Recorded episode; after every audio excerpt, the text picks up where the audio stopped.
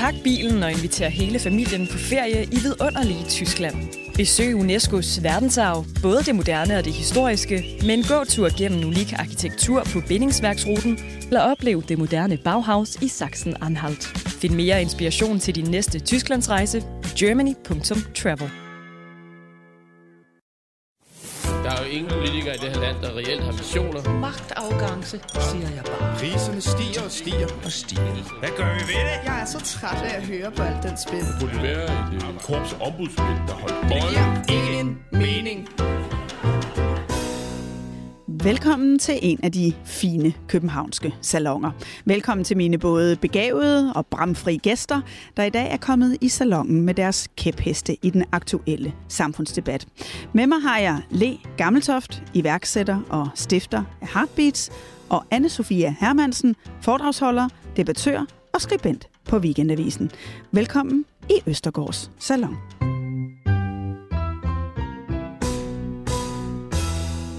Tak fordi I vil komme begge to. Tak for invitationen. Ja, tak.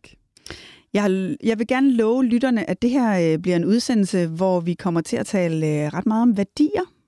Sådan moderne værdipolitik. Øh, det glæder jeg mig meget til. Vi er, øh, vi er også gået ind i julemåneden. Er der nogle værdier, I virkelig ikke bryder jer om ved julen? Jamen, du, Stilhed. jamen, det, nu, du kigger jo på mig, og jeg tror, jeg kom til, øh, lige inden mikrofonen blev tændt, at, at sige, at jeg ikke er så begejstret for jul. Men øh, ja, jeg synes, at det, det er blevet en, en svær højtid på grund af det overforbrug og den, den, det tempo, der er kommet på i virkeligheden. Jeg synes, vi er utroligt dårlige til at sætte tempoet ned. Og så i virkeligheden lader julen handle om det, det bør handle om. Og det er jo nogle meget, meget sunde, vidunderlige værdier. Det handler om familie og tradition og nærhed. Men jeg synes, det er sjældent, man helt når at smage det. Folk de fiser rundt mellem alle øerne og til julefrokoster og snaps mm. og gaver og julekalender og nisser og hvad ved jeg. Jeg bliver helt uh, mister pusten.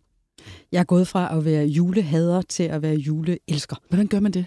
Jamen, det gør du ved at øh, både med respekt for de eksisterende traditioner, men, men også ved at indgå en pagt med dine egne traditioner. Altså, du og jeg, vi er begge øh, skilsmisseforældre, og det kræver jo altså så et øh, nylagt puslespil at få hele julekabalen til at gå op. Der, hvor du sådan også øh, harcelerer lidt mod øh, hele forbruget, man kan jo bare skrue ned. Altså, vi har længe haft sådan en tradition, der hedder, vi får ikke julegaver, men julegavevøn. Min søn han har fået én gave, og det var så det, han kunne se frem til, og det lyder så ekstremt øh, reaktionært. Så alt det her med, at man har sådan et bjerg af gaver, mm. og så er juletræet øverst som sådan en lille grøn hat.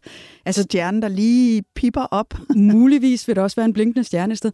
Man kan jo også selv altså, sætte foden ned og så sige, jamen, hvad er det, vi er fælles om her, og hvad er det, der, øh, vi, er det for et fællesskab, vi så også øh, indgår i. Sådan en ting som også øh, kirkegang er faktisk kommet øh, til mig i en øh, lidt høj alder. Jeg er 50 år, jeg er ved Gud, den søde grød, aldrig nogensinde gået i kirke tidligere. Nu har jeg meldt mig ind i folkekirken, og synes faktisk, der er et eller andet velgørende ved. Der findes faktisk noget, der er større end en selv. Julemessen er smuk. Ja, det er et interessant øh, fællesskab at træde ind i, og som ikke har noget som helst med forbrug at gøre. Så hermed anbefale. Vi kommer til at tale mere om jul øh, senere, fordi der er også noget med en nisse, der ikke er så alle tiders endda.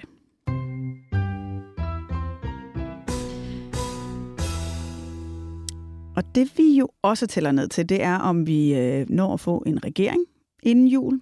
Status er, at der er otte partier tilbage i forhandlingerne. Rød og blå blok er splittet, og det ser ud som om Venstre er på vej i regering med en politik, som de ikke engang gik til valg på.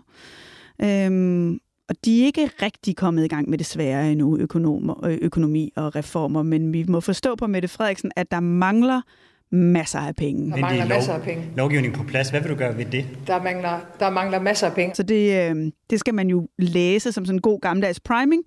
Der kommer reformer, de kommer til at gå ondt. Oh ja. Ja, det kommer vi lidt tilbage til øh, lige øh, i slutningen af programmet. Men der er en ting, som vi i hvert fald ved, de har haft øh, temadag om, øh, og det er de unges mistrivsel. Og det skal vi tale om nu.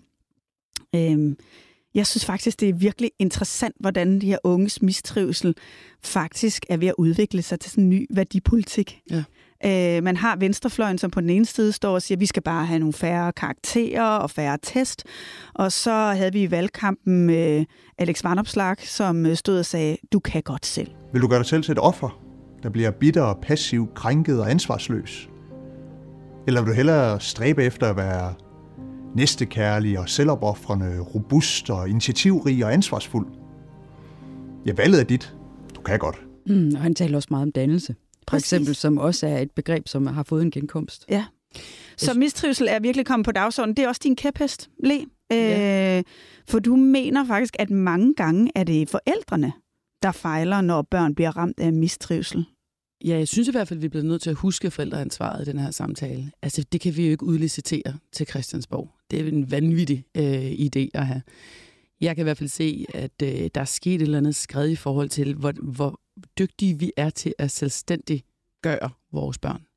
Mm. Mm. Øhm, der er, jeg Eller ikke, om- ikke at gøre. Ja, lige præcis. Mm-hmm. Øhm, jeg, jeg har bokset med mange teorier omkring, hvorfor forældre er blevet så bange for at slippe deres børn fri, eller fortælle deres børn, at de godt kan, og lad dem gøre det selv. Er det travlhed, er det nemmere, at vi binder de der skide snørbånd selv? Eller er det fordi, at vi er omringet af medier, der fortæller os, hvor forfærdelig verden er, så bliver vi altså også angst for, at vores børn skal tage metroen for tænk nu, hvis der skete noget i den metro. Men sandheden er, at hver eneste gang vores barn melder sig klar i en udviklingsperiode til at være nysgerrig omkring at tage en metro selv, eller cykle til sine venner alene, eller gå i Amager-centret, hænge ud, whatever. Når vi siger, det må du ikke, det kan du ikke, så fortæller vi barnet, at det ikke kan selv. Mm. At det ikke er klar, at det ikke er dygtigt nok, at det ikke er nok. Det vil sige, at vi tager, fratager dem en udvikling af selvstændighed, som er vanvittigt vigtig. Men er det det samme som, at de udvikler mistrivsel, eller er det, udvikler de bare uselvstændighed?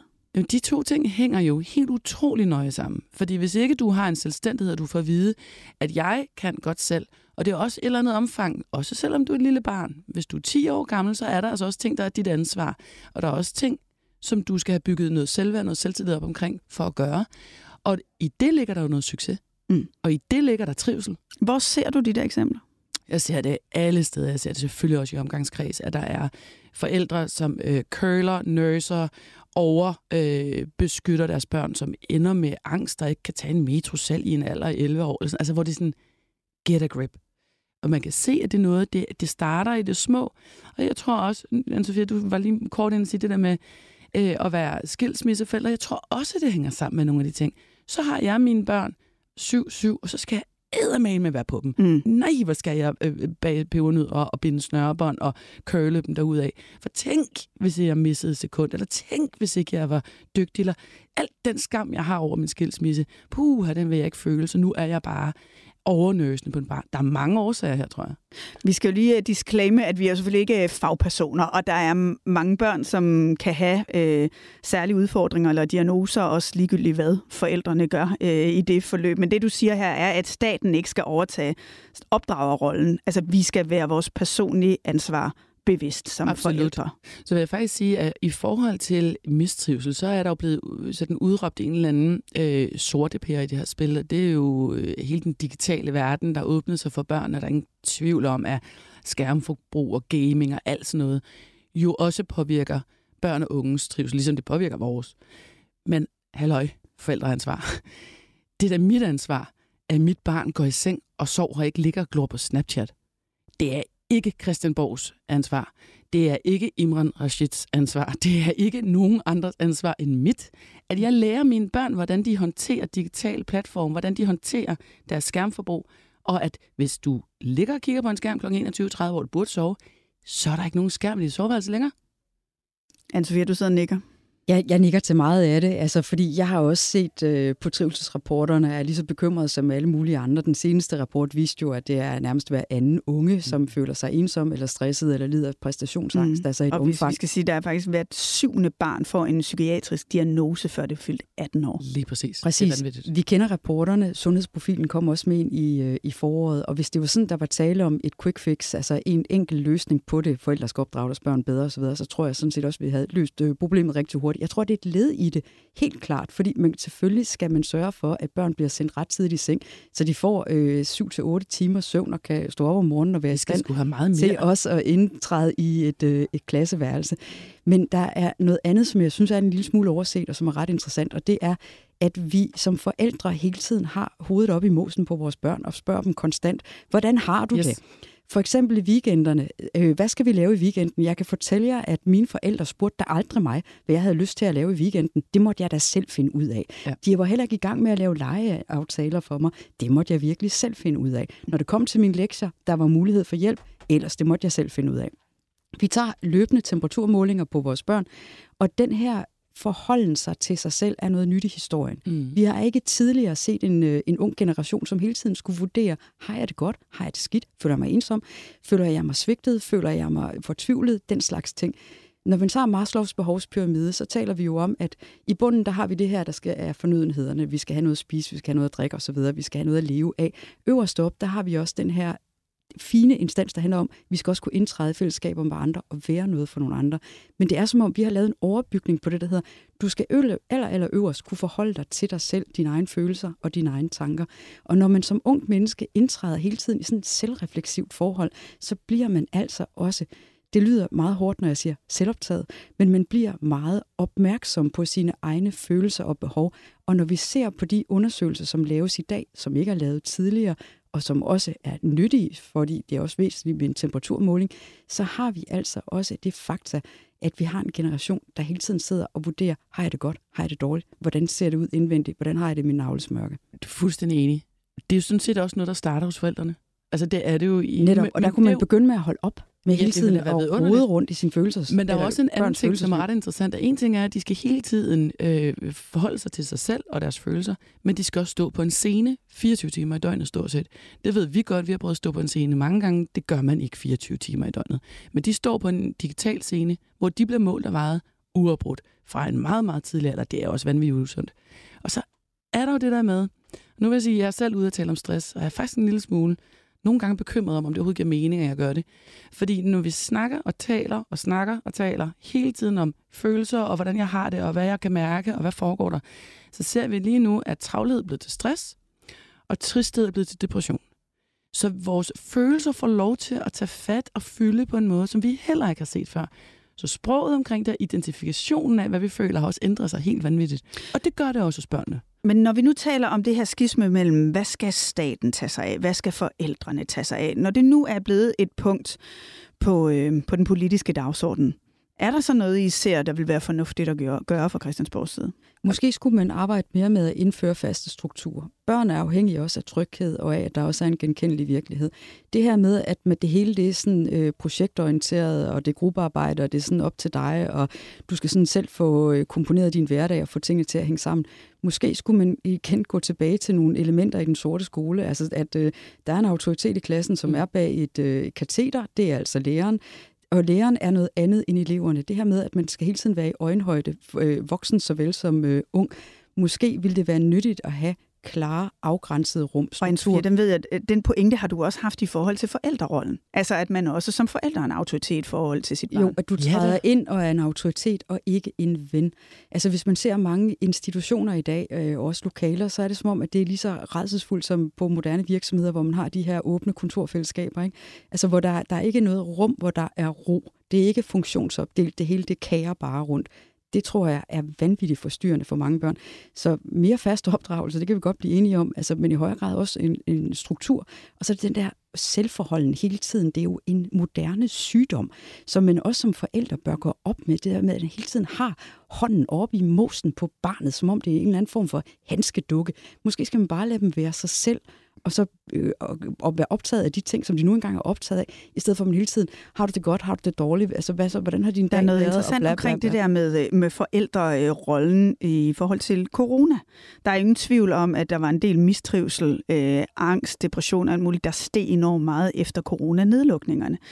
Og der er altså noget forskning i øh, Holland, som, øh, som har set på, øh, hvordan det her har påvirket øh, børnene, og, øh, og også kommet frem til, at nedlukningerne gjorde, at, at forældrene faktisk kompenserede bagefter, fordi de var så kede af, at deres børn havde været socialt isoleret, så de gav mere frihed.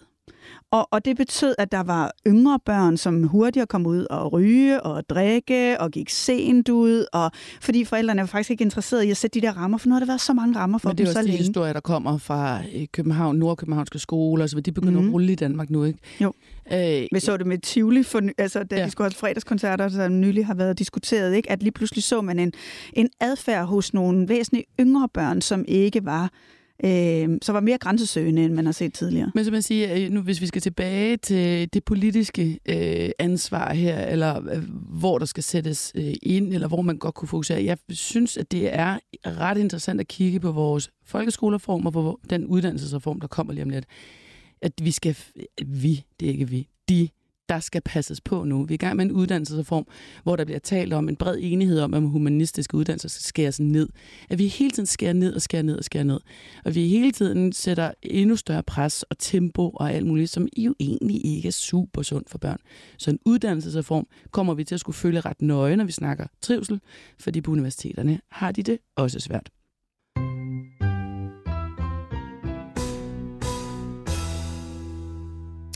Og nu skal vi så et helt andet sted hen.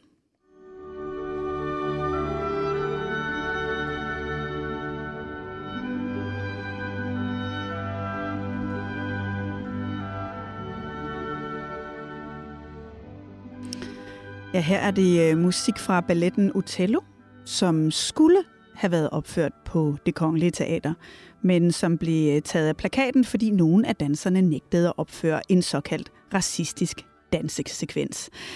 Anne-Sophie Hermansen, er det for hårdt øh, konkluderet, hvis jeg siger, at din øh, kæphest er, at identitetspolitikken er ved at ødelægge kunsten? Jamen, øh, i sin øh, yderste instans, jamen, så er vi nødt til at have en seriøs og en intellektuel samtale om mange af de diskussioner, der i øjeblikket pågår, hvad enten det handler om julekalendere, om det handler om ispinde, om det, det handler om kagepersoner, altså hele det her felt, som vi jo kalder både krænkelsesdebatter og cancel culture og identitetspolitik. Ukært barn har også mange navne. I øjeblikket, der, øh, der handler det blandt andet om det kongelige teater, og hvad der er, der foregår, fordi der er den her forestilling, ballet, øh, Otello, som i foråret blev taget af plakaten, og i stedet opførte man så en skærsommernatsstrøm. En skærsommernatsstrøm, som også er baseret på et drama af Shakespeare, ligesom Otello, og som handler dybest set også om nogle øh, fjer og nogle trolde osv., der kysser lidt i en fortryllet skov. Det kan ingen øh, tage skade af. Men problemet med Otello og læsningen, særligt balletdansernes læsning af Otello, er, det er jo ikke et racistisk drama. Hvis man går til kilden, nu er jeg litteraturhistoriker, jeg lige sidder og genlæst Otello, så er det et drama, der handler om Otello, der er maver og som ikke kun drives til vanvid af hans hustru Desdemona, som er ham utro, eller svigefulde Jason, der øh, putter øh, tanker i hans sind, som er forurenende. Men det handler jo blandt andet også om, at Otello, der øh, som sagt er maver, bliver mødt af omverdens negative racistiske øh, reaktioner. Så Shakespeare er overraskende woke i betragtning af, at han skriver i 1600-tallet. Der er så balletdansere, der mener, at der er dele af øh, dramaet, som i Neumeier, stjernekoreografen, øh, som nu øh, har afbrudt samarbejdet efter 50 år med det kongelige teater, at han har indlagt en sekvens, der kan tolkes racistisk. Det, som jeg synes er det væsentlige at lære af den her sag, det er, et, vi mangler at have en balletmester, der er i stand til at forklare dramaer øh, og dramaers intention til danserne, så man forstår, hvad er det egentlig rent faktisk, der er op og ned her. Mener du, de har misforstået den Ja, det mener jeg. Jeg mener rent faktisk, at de både har misforstået Neumeyers intention, den har han jo også været ude og forsvare. Han har ligesom sagt, de har- i sin essens er antiracist. Præcis, og det samme kan man sige om Shakespeares drama. Det, som jeg synes er det interessante i den her debat, det er, at det er som om intentionen går tabt i reaktioner. At nu handler det i stedet om, hvordan man opfatter ting mere, end hvordan ting er ment. Nu kan vi ikke spørge Shakespeare, eftersom han jo er død, men man kan da i det mindste spørge Nøgmeier, hvad har du egentlig ment med de her ting? Hvad er den kunstneriske ambition bag det? Hvad er intentionen? Men i stedet sker der den her øh, bevægelse ind mod øh, følelsernes øh, mørke i det her tilfælde, fordi den, som føler hårdest, får åbenbart ret. Men den, der føler sig mest krænket, er også den, der har mest magt. Og det synes jeg er et problematisk Men hvad er det for en tendens, kunsten. der indtræffer på nationalscenen? Fordi som du selv nævner, er der jo flere eksempler. Der er Otello, som vi lige har talt om, der taget. Neumeier er blevet bandlyst på det kongelige teater, som jo også er en kæmpe skandale. Mm. Nødeknækkeren er blevet revideret. Hvad er, det, der, øh, hvad er det, der lige pludselig har sat sig et sted, hvor man jo var vant til, at der var stor kompromilløshed omkring kunsten? Altså, da Nikolaj Hyppe han kommer til øh, det kongelige teater, så øh, er det med den ambition, at kunsten skal altid være den største, øh, det største. Og øh, jeg tror, det der sker gennem årene, det er, at kunsten i sig selv er ikke nok. Man er nødt til også at have øh, balletdansere, man kan bare kalde dem medarbejdere, som også trives. Og det er jo en af de store diskussioner, vi har i de her år. Magt, relationer er rykket ind i højsædet. For en, et kunstnerisk gemyt, der kan det være noget, som man skal tillære sig, og det har øh, Hyppe jo også måtte. Øh, han har jo både været i ledelseskriser og måtte have ledelsescoaching indover, men der, hvor vi er i dag, og hvad man ikke kan coaches ud af, det handler også om tidsånden. Tidsånden ser meget uden unådigt på klassikere. Vi har nødknækkeren, hvor der er arabisk dans, der er også kinesisk dans. Den mener balletdansere så ikke kan opføres, fordi det er nogle racistiske stereotyper. Der er også tale om Karen Bliksen balletten, hvor øh, kikuyerne de øh, afbildes på en måde, som ikke er i tilstrækkelig grad værdig. Hvis det er sådan, at man trækker ting ud i sin konsekvens, så kan vi heller ikke opføre Romeo og Julie, for det er heteronormativt. Jamen, det er jo altså... to hvide personer. Eller Tornerose, Giselle, Sylfiden er svære at opføre, hvis man er en meget woke balletdanser, der gerne vil opleve som badass aktivistisk feminist, fordi de kvinder, der skildres både i Tornerose, i Giselle og Sylfiden, er jo nogle skvat. Så det vil så sige, hvis man hele tiden som balletdanser vil identificere sig med sine roller, ellers kan man ikke udføre rollerne, så har vi et problem med hele klassen. Men må jeg prøve at udfordre det, det lidt, fordi der er jo, vi har jo, vi har jo gang på gang også set, at man ny tolker klassikere, fordi man vil gerne have, at de er samfundsrelevante. De mennesker, der sidder og ser på det i deres samtid, skal kunne, kunne anse dem som relevante. Er det bare fordi, det nu handler om identitetspolitiske problematikker, at der står sådan en skare af nok primært borgerlige debattører og siger, det der, det må I slet ikke røre ved. Det er jo ikke sådan, man ikke har rørt ved klassikere år, altså i århundreder. Alting bliver genfortolket, men i en loyalitet også over for kunstnerens intention. Det er det, der er væsentligt også at fastholde her. Altså, det er det, det, er det ene. Altså, øh, noget andet, som jeg, jeg synes er, er vigtigt at opholde sig ved, det er, at vi kan også lære noget af tidsånden. Fordi der er ting, som vi ikke gør, tænker, taler, føler for længere. Selvfølgelig udvikler tiden sig, og når man ser på Netflix-produktioner, synes jeg egentlig, det er interessant at se, hvordan de med deres mangfoldighedsindsats også er gode til at sætte produktioner i værk, hvor en dronning ikke nødvendigvis er hvid, men også kan være sort. Det er der blandt andet også ændret mit syn på det, så jeg synes, de her debatter, som vi godt kan lide at kalde polariserende og problematiske osv., de har faktisk indtil videre også haft et meget nyttigt og interessant udkomme, nemlig vi er blevet mere opmærksomme på, at vi har haft strukturer, som var uhensigtsmæssige. Men det betyder ikke, at vi skal forkaste kunsten, fiktionen, alle de klassiske værker, men selvfølgelig skal vi udføre dem smartere. Jamen, jeg er fuldstændig enig. Jeg vil sige, identitetspolitikken for mig er blevet en, en lidt en gammel træt sko, altså fordi jeg synes, at den er blevet hivet, hivet godt rundt i manesien efterhånden øh, på en måde, hvor det ikke er hensigtsmæssigt for debatten længere. Øhm, Hvad er det, der er problemet? Jamen, problemet er i virkeligheden, at i vores kamp på at få lov til at være os selv, eller at, at modernisere samtalen og trække den et sted hen, hvor på en eller anden måde handler, skal det være, fordi vi skal have lov til at være os selv, og man er øh, hen, hun, han, eller hvordan, hvilken farve man er, hvilken etnicitet, hvilken religion, whatever, jamen så fjerner vi alt og gør det beige i kunsten. Fordi vi er så bange, og det handler om en eller anden sådan øh, øh, shitstorm-angst også, at man ikke tør at stå ved kunstens betydning, eller øh, øh, som du siger, hvis det er en intention og en læsning, som vi glemmer, men det er modtagerens holdning, der hele tiden skal, så er det jo alt efter vi fratager jo øh, det, det, det fællesskabsskabende i kunsten, hvis den altid skal tolkes og påvirkes af enkelte individers holdning til den. Mm. Så mister den sin magt. Og det her... Øh, positionering. Den her diskussion er jo ikke kun noget, der foregår på, øh, på det kongelige teater, den foregår også i øh, populærkulturen. Øh, nu er det december, øh, men i år så kommer vores børn ikke til at kunne øh, følge ham her. Næsten, hvorfor sidder han dog der? Når det nede i stuen er det virkelig sjovt sker. Et nisseliv er alt for forudsigeligt og trist. Selv julemanden ligner Ja, jeg må sige, med, med, med glæde og lykke og sådan en, en, en ros i min stemme, har jeg aldrig i mit liv hørt det før. Har du aldrig hørt Pyrus? Aldrig. Det er, en præstation i sig selv, vil jeg du lige have udsat mig for. Ja, ja. ja. Jeg føler mig krænket. det var, øh, men øh, du behøver ikke se så meget mere på ham, fordi øh, TV2 har jo droppet at vise i hvert fald en af Pius øh, julekalenderne i år, øh, blandt andet fordi øh, der i øh, den tredje julekalender er en scene, hvor nogle børn er klædt ud som flødeboller og malet sorte i ansigtet, såkaldt blackfacing, vil nogen se det som.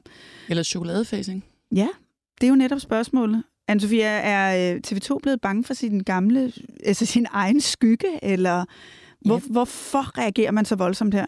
Altså øh, TV2, øh, man, man kan jo både argumentere for, at det er en rigtig og en forkert beslutning, altså, men i hvert fald kan man anholde håndteringen af det. Ikke? Altså, at hvis det er sådan, at de træffer en beslutning, der er så markant, som at man annullerer en ellers øh, programsat øh, julekalender, så er man nødt til at gå ud og forklare ret håndfast, hvorfor. Altså, og det her, det kommer jo frem ved, at der er nogen, der finder et interview frem på en, en lidt sådan øh, random netside, og hvor vi jo er så mange, der under, øh, undrer os over, hvad er årsagen til, at TV2 har besluttet de her ting. Så kommer der så efterhånden nogle forklaringer, der handler om, jamen man har ikke tidsvarende billeder inde. Der bliver henvist til den store Bastian. Den er fra 1845. Jeg er nødt til at minde om, at det jo faktisk også er en fortælling om, at hvis man opfører sig dårligt over for folk med anden hudfarve, så går man altså i den sorte gryde. Og det, øh, det sker sådan set også i julekalenderen, som jo omhandler mm. julemanden, som har mistet sin hukommelse. Ja. Og derfor så skal han i rendres øh, mindes om, hvem han så selv er. Så kører man så igennem sådan forskellige øh, epoker. Svarte Pete, øh, som er jo så også øh, selvfølgelig under angreb. Men der er det så også øh, flødebolddansen, som jo sådan set ikke har noget historisk i sig som sådan, kun afledt. Der er så tale om nogle børn, der er blevet malet sorte i ansigtet, og så danser de ellers rundt til den her såkaldte flødeboldsang det er af mange blevet udlagt som udtryk for blackfacing, fordi det er hvide børn. Og hvordan kan det så være, at de også skal have hvide handsker på og store øh, røde munde? Og det henviser til Mistral-traditionen øh, tilbage fra øh, 1800-tallet, og dermed har det rødder i en racistisk øh, tradition. Derfor må den så udgå. Men igen, der handler det jo også om at undersøge intentionen her. Fordi man kan jo så spørge øh, Mirenar, altså, som er bag julekalenderen, ligesom man kan spørge øh, Jan Lille Bjerg, hvis ikke jeg tager fejl, en mand, som spiller Pius. Øh, man kan også undersøge det med børnene, det har man også gjort. Hvad har deres opfattelse været? Og hvor de jo alle sammen enstemmigt siger, at det har overhovedet ikke været en intention, at der var nogen, der skulle have, have det dårligt, føle sig krænket. Der, hvor jeg godt kunne tænke mig at give kritikere en lille smule ret, det er, hvordan kan det være egentlig fra TV2 side, man ikke har fundet det sådan mm, nødvendigt, at man måske også kunne kaste nogle børn, som øh, er, har anden hudfarve end hvid. Så der, med nutidens blik kan vi jo også se tilbage på en tid, hvor man ikke har haft særlig mangfoldige øh, øh, udkigsposter. Man har ikke været særlig opmærksom på, at man skulle også kaste bredt.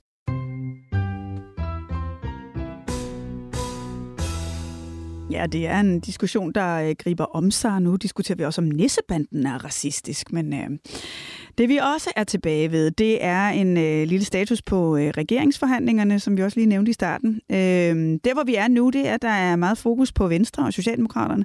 Kan de indgå i øh, regering? Øh, men i sidste uge så blandede Lars Lykke sig og øh, sagde så, at en SV-regering, det var ikke nok, når vi taler en bred regering. Han mener også, at moderaterne skal ind. Og det er jo ellers en mand, som gang på gang har sagt, det handler om noget og ikke om nogen. Mhm. Nu handler det så åbenbart alligevel lidt om nogen. Selvfølgelig gør det det. Lars Lykke ved det i regeringen. Det kan du ikke komme bag på nogen. Jeg vil dog sige, hvis man ser det helt udefra, hvad, øh, hvad Lykke siger, så er det jo nok, i hvert fald i mit blik på regeringsdannelsen, mere interessant at få dem med ind i det lokale. Jeg kan godt være øh, noget bekymret for, hvad der sker med Venstre, når de skal sidde alene med Socialdemokratiet. Du er simpelthen bange for, at han bliver et levende Mette Frederiksen? Jamen, jeg eller? tror ikke engang, jeg er bange for det. Jeg har bare sådan, when is it gonna happen? Det er noget med, hvornår vi begynder at, at Det er ikke et hvis, det er et når. Ja. Jeg tror, der, der er en, en der er potentiale for, at der kommer en, en opbakning til Jakob Ellemann i Lars Lykke. At der er et, et større, øh, en, en større positionering mod Mette Frederiksen, eller hvad kan jeg sige, en anden øh, modstand eller modspil til hende, hvis de er øh, med i regeringen, begge partier. Mm. Jeg tror, det bliver rigtig, rigtig svært for Venstre at få... Øh, få vundet noget, for, for, ligesom for at holde position og få vundet noget, noget magt i den regering der. Det, der ligger sådan underliggende omkring, det ikke er nok med en SV-regering, det er jo, at man taler om, skulle enten Moderaterne med, eller SF. Altså måske synes man egentlig, det er mere realistisk, at det var SF. Det, jeg synes, der er ekstremt paradoxalt med den diskussion, det er, at så taler vi jo om en flertalsregering. Yes. Og du har haft en valgkamp, hvor de borgerlige har talt om Mette Frederiksen magtfuldkommenhed, ja. at hun havde alt for meget magt. Og nu kan vi sandsynligvis ende i en situation, i hvert fald hvis både Venstre, Moderaterne, andre borgerlige gerne vil ind og have ministerposter, hvor de kommer til at støtte en flertalsregering, som er vel den ultimative magt. Jeg synes, det er ekstremt paradoxalt. Det er det også, og det er interessant at kunne se, når, når det borgerlige er øh, smuldret på den måde, som vi har set gennem de seneste par år. Hvad er nu, Pape, jeg, jeg holder altså ikke på, at han er interesseret i at gå i regeringen dog, men hvad har Jakob Ellemann ellers af muligheder for at positionere sig venstre mm. som en blivende formand? Kan han tage fire år i opposition mere? Kan han stå op mod Mette Frederiksen S i fire år mere på den måde, han lige har oplevet, uden at han forsvinder som formand efterfølgende? Det, er, det er hans vindue til at vinde noget magt og få nogle ministerposter til sin Det er, om man det tror på, hans... at man har eksistensberettigelse yes. ved indflydelse, eller Men om Venstre og SF i regeringen sammen, så går klappen ned for mig. altså, det, det, den, den, er bare, den er for, den er for far out. Den er lige... Så kan man sige, så kommer Venstre i hvert fald til at sige, vi vil have ministerposter, men derudover er vi ligeglade med politik, hvad der bliver ført af politik. Vi vil bare med. Og det er jo klart, det er det, det som man virkelig diskuterer i Venstres bagland. Hvad er prisen, hvis yes. man skal give Mette Frederiksen magten? Hvad er det så, man skal have igen? Ja. Men altså, moderaterne er jo virkelig også interessant i det her, og hvordan man ser på dem i Venstre. Fordi jeg tror ikke, der er ret mange, der gerne vil have ham ind i regeringen. De ved, at han er totalt ustyrlig. De ved, at han kommer til at sætte sig på det, og måske er det også svært for, øh, for Jacob Ellemann så overhovedet at få noget, øh, få noget plads.